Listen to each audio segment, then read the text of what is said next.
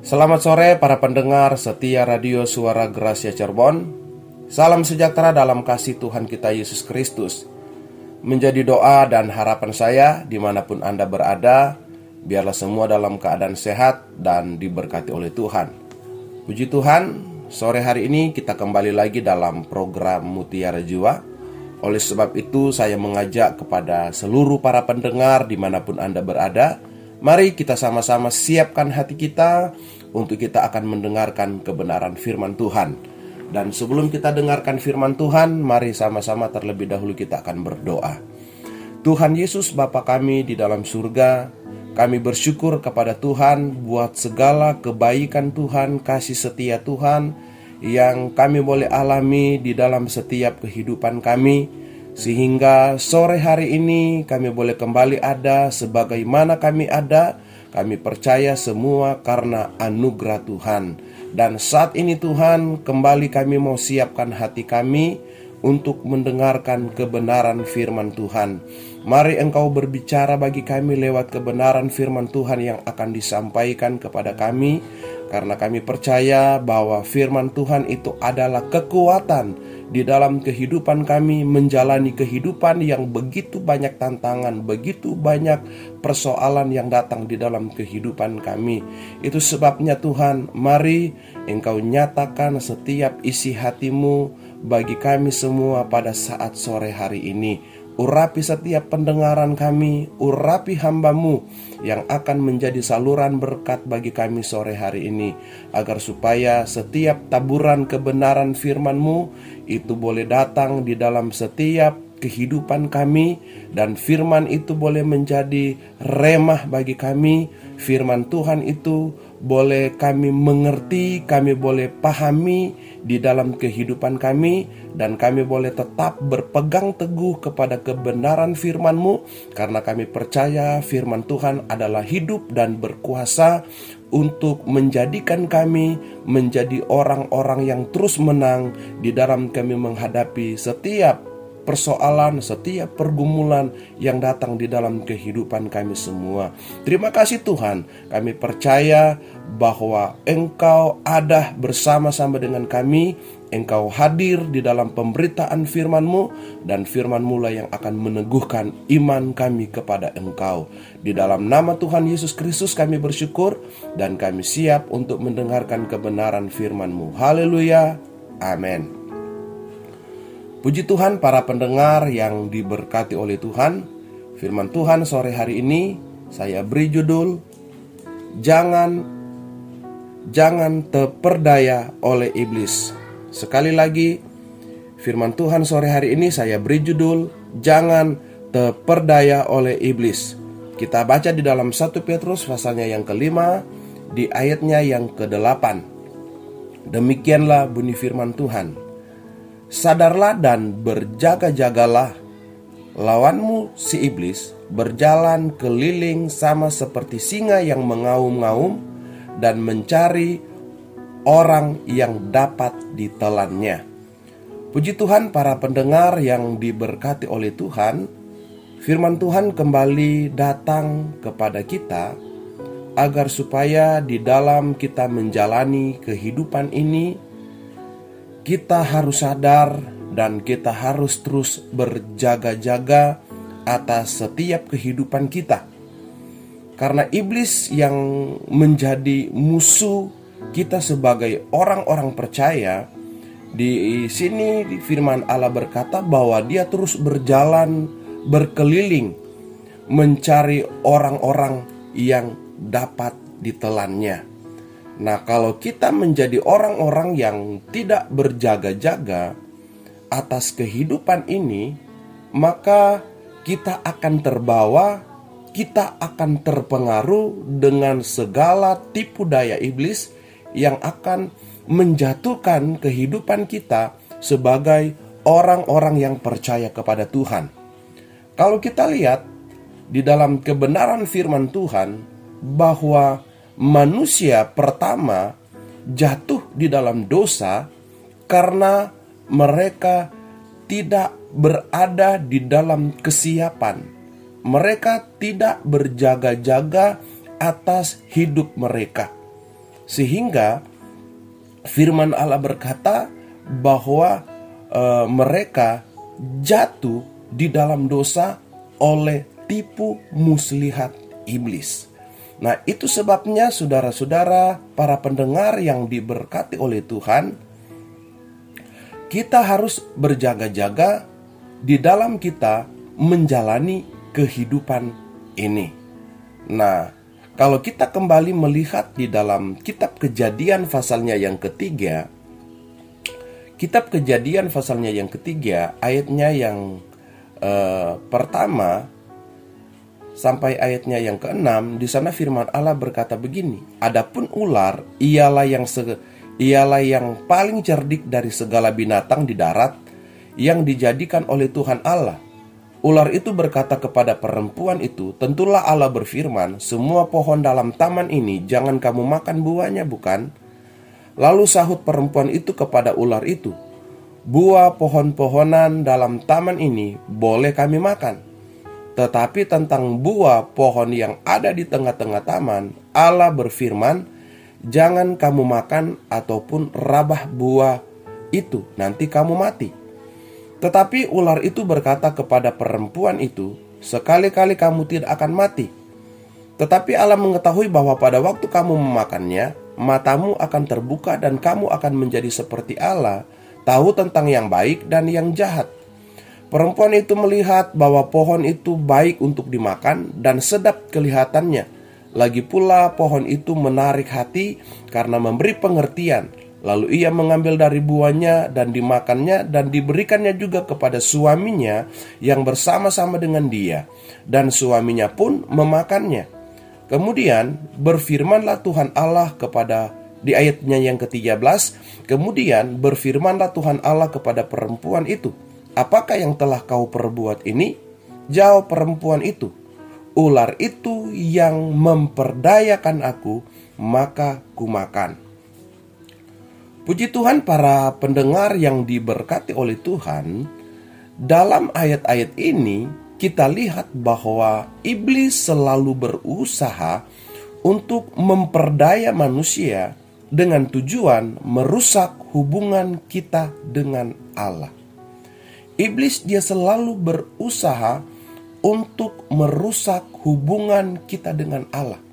Itu sebabnya ia berusaha untuk membujuk manusia untuk melawan perintah Allah. Nah, di dalam kitab Kejadian tiga tadi, di mana iblis dia berusaha membujuk manusia, berusaha untuk menjatuhkan manusia agar supaya mereka melawan perintah-perintah Allah. Mereka berusaha untuk memisahkan hubungan manusia dengan Allah.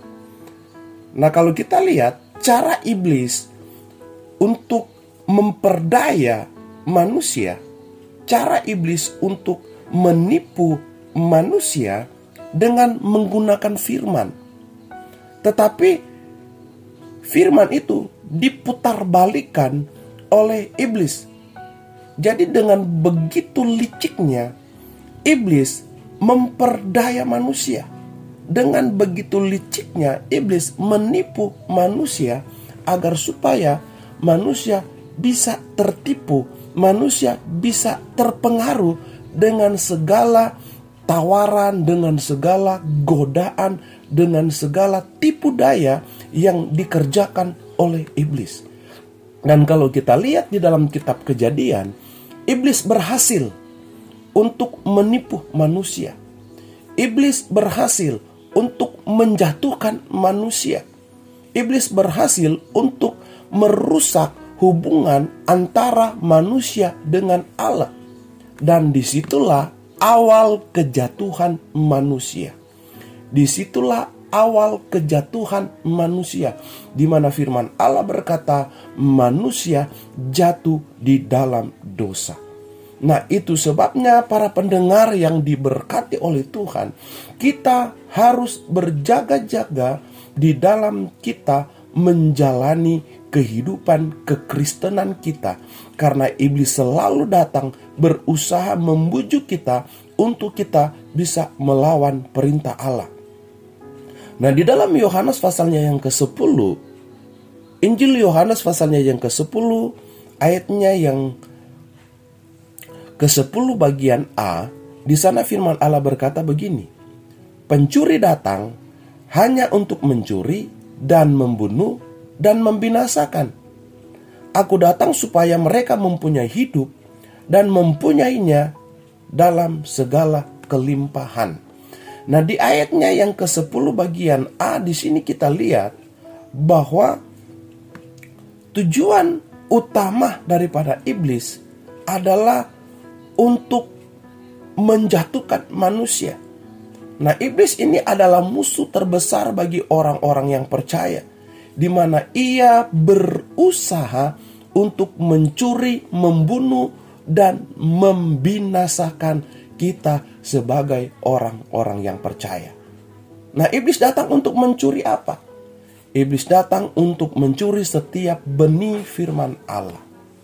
Jadi setiap benih firman Allah yang ditaburkan, setiap benih firman Allah yang kita disampaikan, yang kita dengar, baik di di uh, gereja maupun lewat uh, radio, televisi, traktat dan lain sebagainya, iblis selalu berusaha untuk mencuri setiap benih-benih firman Allah yang ada di dalam kehidupan kita. Karena iblis tahu bahwa firman Allah itu adalah kekuatan bagi kita sebagai orang percaya. Iblis tahu bahwa firman Allah itulah yang selalu membentengi hati kita, yang selalu membentengi kehidupan kita, sehingga kita tetap menjadi orang yang kuat, walaupun kita berada di tengah badai, walaupun kita berada di tengah-tengah masalah, berada di tengah-tengah pergumulan hidup seberat apa pun, ketika benih firman Allah itu ada di dalam kehidupan kita, maka firman Allah itulah yang akan terus membentengi kehidupan kita. Nah, itu sebabnya iblis selalu berusaha untuk mencuri setiap benih firman Allah yang ditaburkan kepada kita sebagai manusia. Yang kedua, iblis datang untuk membunuh. Apa yang iblis bunuh dari kehidupan kita? Iblis membunuh pengharapan kita. Supaya kita nggak memiliki lagi pengharapan Bukankah firman Allah berkata bahwa pengharapan itu merupakan kekuatan bagi kita sebagai orang-orang yang percaya dan landasan bagi kita untuk kita mengikut Tuhan itu karena pengharapan bahwa di dalam Tuhan ada janji-janji Tuhan. Hidup di dalam Tuhan ada pengharapan sehingga ada begitu banyak uh, ada begitu banyak tokoh-tokoh di dalam Alkitab mereka terus bertahan di dalam penderitaan. Mereka terus bertahan di dalam setiap pergumulan yang mereka hadapi karena mereka tahu bahwa pengharapan mereka di dalam Tuhan adalah pengharapan yang tidak pernah mengecewakan. Mereka tahu bahwa hidup di dalam Tuhan ada pengharapan yang besar. Dan ini yang menjadi keyakinan kita sebagai orang-orang percaya bahwa di dalam Tuhan kita memiliki pengharapan ada pengharapan, ada jaminan Tuhan, ada keselamatan yang dari Tuhan, ada upah yang Tuhan berikan kepada saya, kepada saudara di mana pun Anda berada. Nah itu sebabnya iblis datang, dia berusaha untuk membunuh pengharapan kita.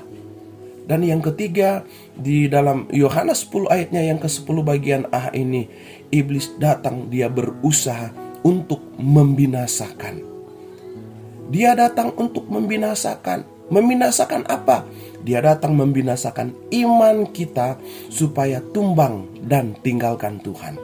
Jadi iblis berusaha untuk membinasakan iman kita supaya kita tidak lagi memiliki kekuatan, kita tidak lagi memiliki iman kepercayaan kepada Tuhan sehingga kita iman kita tumbang dan kita tinggalkan Tuhan.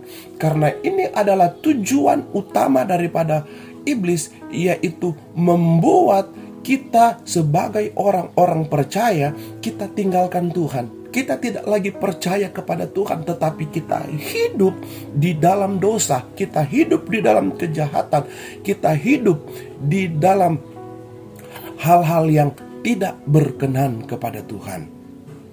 Jadi, para pendengar yang diberkati oleh Tuhan, dalam kehidupan kita sehari-hari, iblis berusaha untuk memperdaya hidup kita, dan tanpa kita sadari kita mulai masuk dalam perangkapnya iblis. Nah oleh sebab itu, di dalam 1 Petrus 5 ayatnya yang ke-8, ini di dalam ayat pokok kita dikatakan sadarlah dan berjaga-jagalah. Lawanmu si iblis berjalan keliling sama seperti singa yang mengaum-ngaum dan mencari orang yang dapat ditelannya. Jadi, para pendengar yang diberkati oleh Tuhan, Petrus mengingatkan kita untuk sadar dan berjaga-jaga. Sadar berarti kita mengerti, paham apa yang kita lakukan. Karena ketika kita tidak sadar, maka kita tidak mengerti apa yang kita lakukan kita sudah terjerumus di dalam dosa, kita sudah melakukan hal-hal yang tidak berkenan kepada Tuhan, kita nggak sadar, kita nggak ngerti. Wah, saya sudah terjerumus. Wah, saya sudah melakukan hal-hal yang tidak berkenan kepada Tuhan. Nah, itu sebabnya Rasul Petrus berkata, mengingatkan kita untuk kita sadar, sehingga Ketika kita sadar, maka kita mengerti, kita paham apa yang kita lakukan. Apakah itu berkenan kepada Tuhan? Apakah itu menyenangkan hati Tuhan atau tidak? Apa yang kita lakukan yang apakah itu sudah sesuai dengan kebenaran firman Tuhan atau tidak? Karena kita posisi dalam keadaan sadar. Nah, ketika kita sudah uh, ketika kita sudah mulai salah jalan, ketika kita sudah mulai salah langkah, kita tahu, wah saya sudah salah. Ketika kita sudah sudah mulai terjerumus di dalam dosa, karena kita posisi berada di dalam keadaan sadar, maka kita sadar wah kita sudah melakukan yang tidak berkenan kepada Tuhan. Wah ini udah salah. Wah ini udah nggak benar. Karena posisi kita berada di dalam keadaan sadar. Tetapi kalau kita berjalan dalam ke, dalam keadaan tidak sadar, kita sudah masuk jurang, kita nggak ngerti. Kita sudah terperangkap, kita tidak ngerti. Bahkan sudah ada jurang di hadapan kita, kita tidak mengerti. Kenapa? Karena kita nggak sadar. Nah itu sebabnya Petrus mengingatkan agar supaya kita harus sadar. Dan yang kedua, kita harus berjaga-jaga. Berjaga-jaga artinya tidak tidur. Berwaspada. Selalu berwaspada. Nah, artinya rohani kita tetap terjaga dan tetap terus terbangun di dalam Tuhan. Jadi rohani kita ini tidak tidur, tetapi rohani kita itu terus terbangun di dalam Tuhan. Terus terbangun di dalam Tuhan. Karena itulah yang akan membuat kita mawas diri. Itulah yang akan membuat kehidupan kita tetap berwaspada bahwa di depan kita itu ada musuh. Sehingga kita terus berjaga-jaga. Nah, dalam kondisi kita berwaspada, dalam kondisi kita berjaga-jaga, kita terus membangun rohani kita. Kita terus membangun iman kita di dalam Tuhan kita tahu bahwa kehidupan kita ini adalah orang yang lemah, membutuhkan Tuhan, kita butuh firman untuk terus membangun iman kita, untuk terus membangun kerohanian kita untuk tetap kuat di dalam Tuhan. Nah, orang yang terus berwaspada adalah orang yang terus mengisi kehidupannya dengan hal-hal yang membuat dia kuat. Contoh, dia terus membangun hidupnya dengan dia terus membaca firman, mendengarkan firman, dia terus hidup di dalam doa, dia terus membangun hidupnya, kerohaniannya. untuk dia tetap berwaspada bahwa ada musuh yang besar yang diperhadapkan dengan kehidupannya. Nah, tetapi ketika kita tetap berjaga-jaga, kita tetap sadar dan kita tetap berjaga-jaga, maka di situlah kita akan kuat untuk kita menghadapi setiap serangan-serangan iblis yang datang di dalam kehidupan kita. Nah, mengapa kita harus sadar dan berjaga-jaga? Karena iblis terus berjalan mencari orang yang dapat ditelannya. Nah, inilah alasan mengapa kita harus sadar dan kita harus berjaga-jaga di dalam kehidupan ini.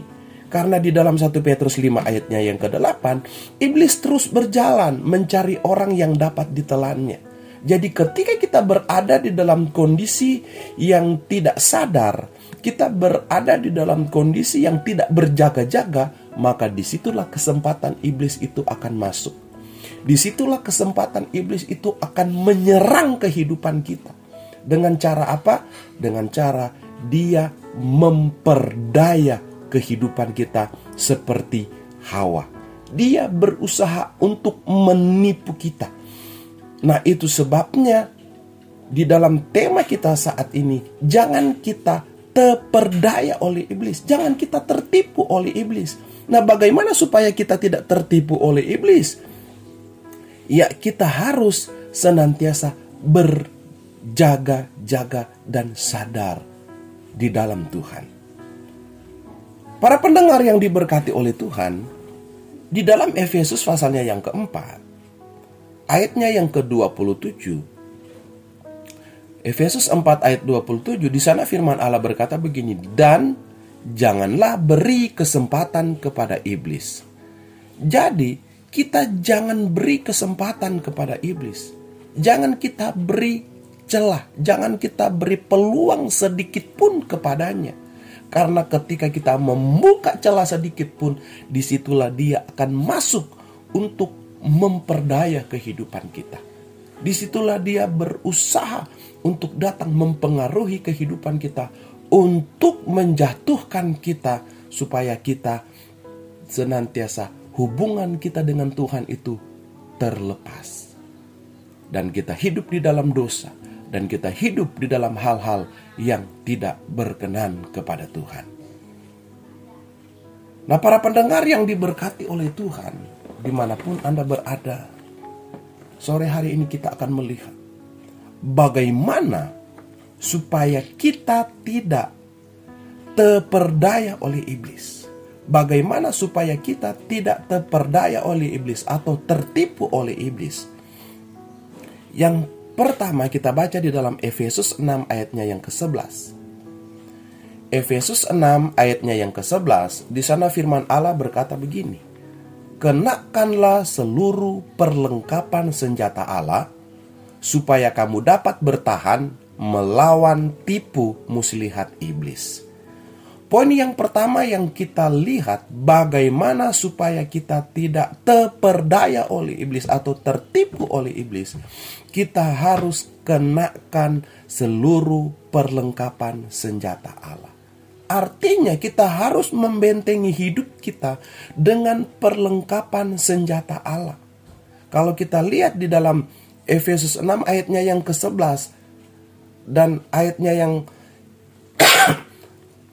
ke-11 dan selanjutnya di situ kita akan melihat seluruh perlengkapan senjata Allah. Kita baca dari ayatnya yang ke 13 dikatakan sebab itu ambillah seluruh perlengkapan senjata Allah supaya kamu dapat mengadakan perlawanan pada hari yang jahat itu dan tetap berdiri sesudah kamu menyelesaikan segala sesuatu.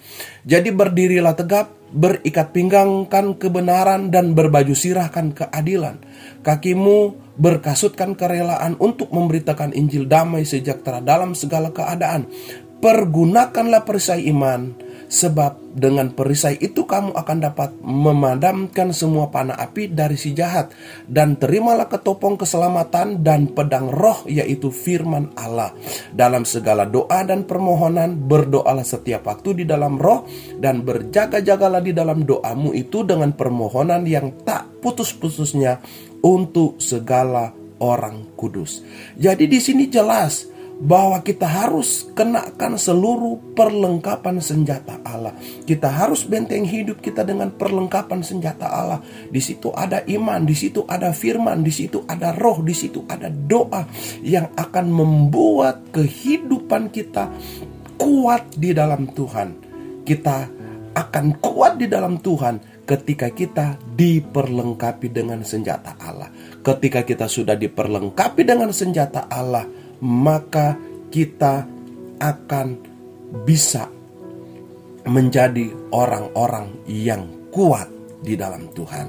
Poin yang kedua, di dalam Yakobus pasalnya yang keempat, ayatnya yang ketujuh, karena itu tunduklah kepada Allah dan lawanlah iblis, maka ia akan lari daripadamu.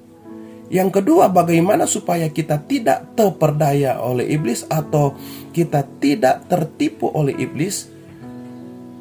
Kita harus lawan iblis. Di ayat di Yakobus 4 ayatnya yang ke-7, karena itu tunduklah kepada Allah dan lawanlah iblis, maka ia akan lari daripadamu. Jadi setiap tipu daya iblis, setiap bujukan iblis, setiap rayuan iblis kita harus lawan. Kita harus berkata tidak terhadap segala kejahatan. Jadi kita harus berusaha untuk melawan. Jangan kita biarkan iblis memperdaya hidup kita.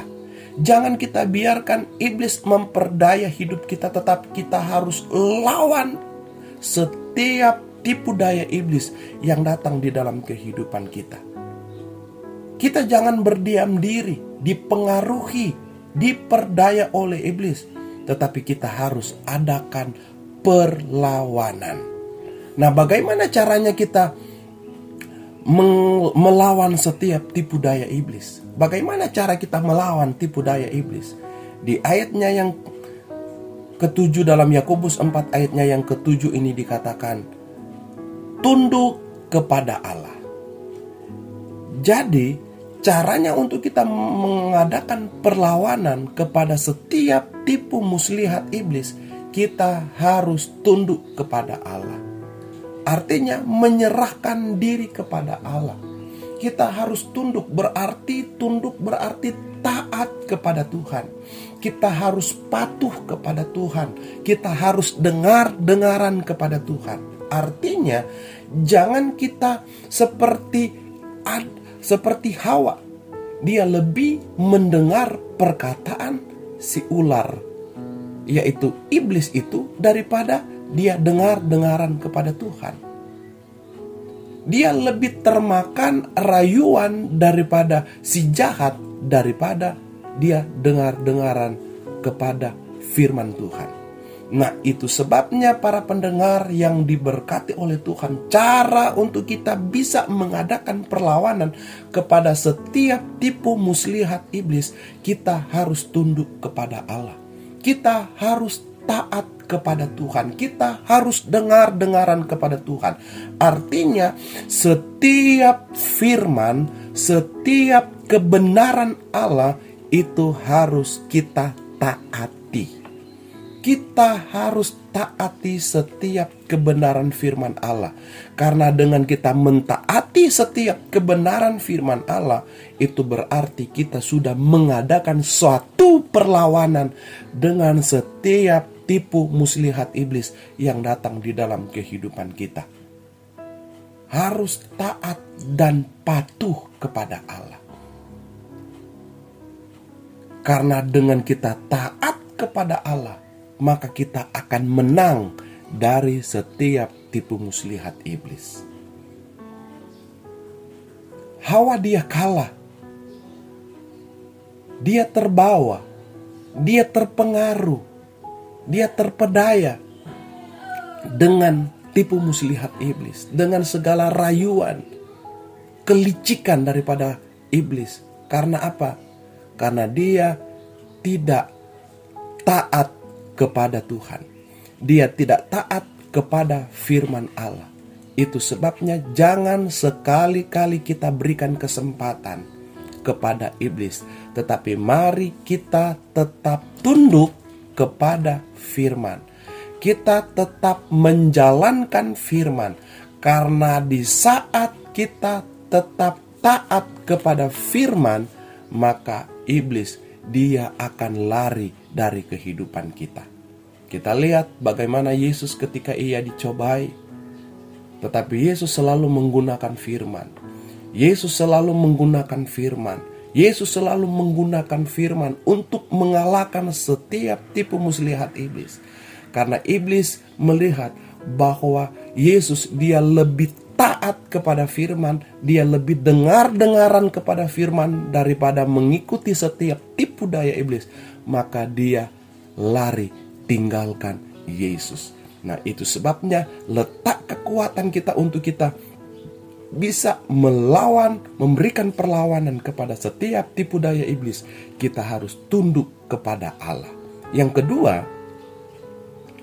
yang kedua di dalam 1 Petrus 5 ayatnya yang ke-9, di sana firman Allah berkata begini, lawanlah dia dengan iman yang teguh. Sebab kamu tahu bahwa semua saudaramu di seluruh dunia mendanggung penderitaan yang sama. Yang kedua, Cara yang kedua bagaimana kita uh, melawan mengadakan perlawanan bagi setiap tipu muslihat iblis yaitu dengan iman yang teguh. Dengan iman yang teguh. Kalau uh, poin yang pertama bagaimana caranya kita mengadakan perlawanan tunduk kepada Allah. Yang kedua dengan iman yang teguh. Iman yang teguh artinya iman yang dibangun oleh firman Allah.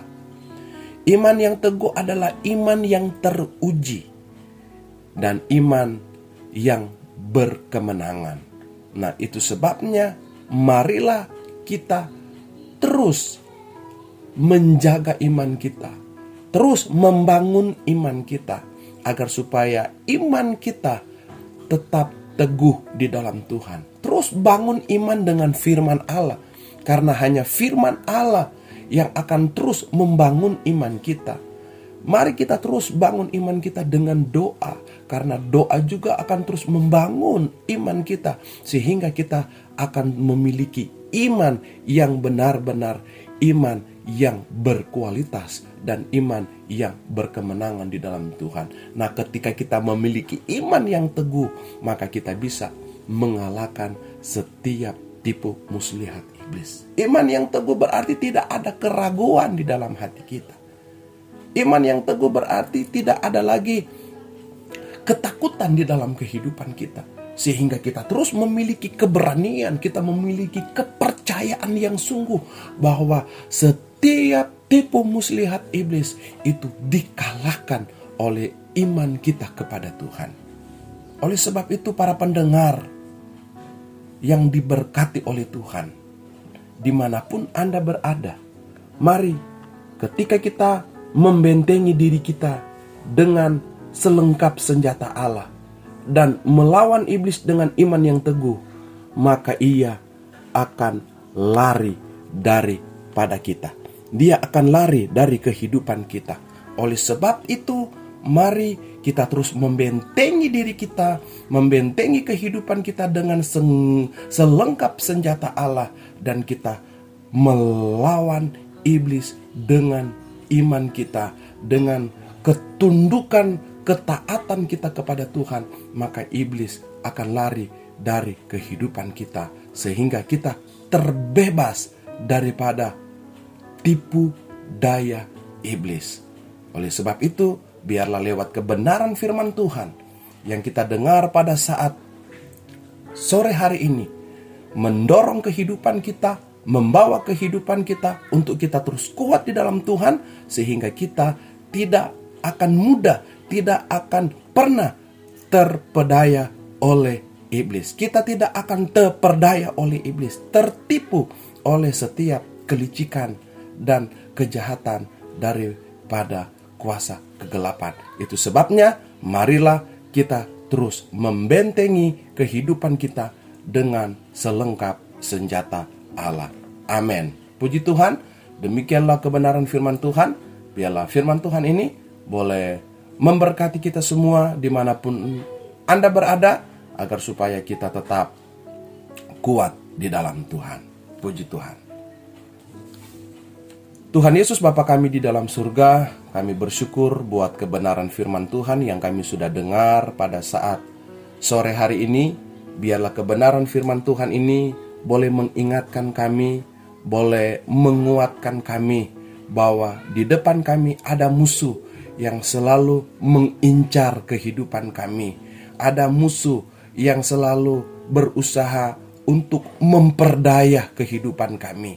Tetapi lewat kebenaran firman Tuhan yang kami dengar pada saat sore hari ini, itu boleh membangun iman kami, boleh memberikan kekuatan bagi kami agar supaya kami tidak terperdaya oleh iblis yang mempengaruhi kehidupan kami. Itu sebabnya Tuhan, mari ajarkan kami untuk kami tetap tunduk kepada Allah, tetap tunduk kepada kebenaran firman-Mu. Kami taat untuk melakukan setiap kebenaran-kebenaran Allah dan kami terus membangun iman kami agar supaya iman kami terus kuat, iman kami terus kokoh di dalam Tuhan sehingga kami boleh menjadi pemenang-pemenang di dalam Engkau untuk menghadapi setiap tipu muslihat iblis yang datang mempengaruhi kehidupan kami. Terima kasih Tuhan. Terima kasih Bapa. Tanamkanlah kebenaran firman-Mu di dalam kehidupan kami agar supaya kebenaran firman-Mu ini boleh menjadi pegangan bagi kami untuk kami terus melangkah menjalani kehidupan kami ini ya Tuhan. Terima kasih Tuhan. Terpujilah namamu kami bersyukur dan kami terima kebenaran firman yang kami sudah dengar pada saat sore hari ini di dalam nama Tuhan Yesus Kristus. Haleluya. Amin.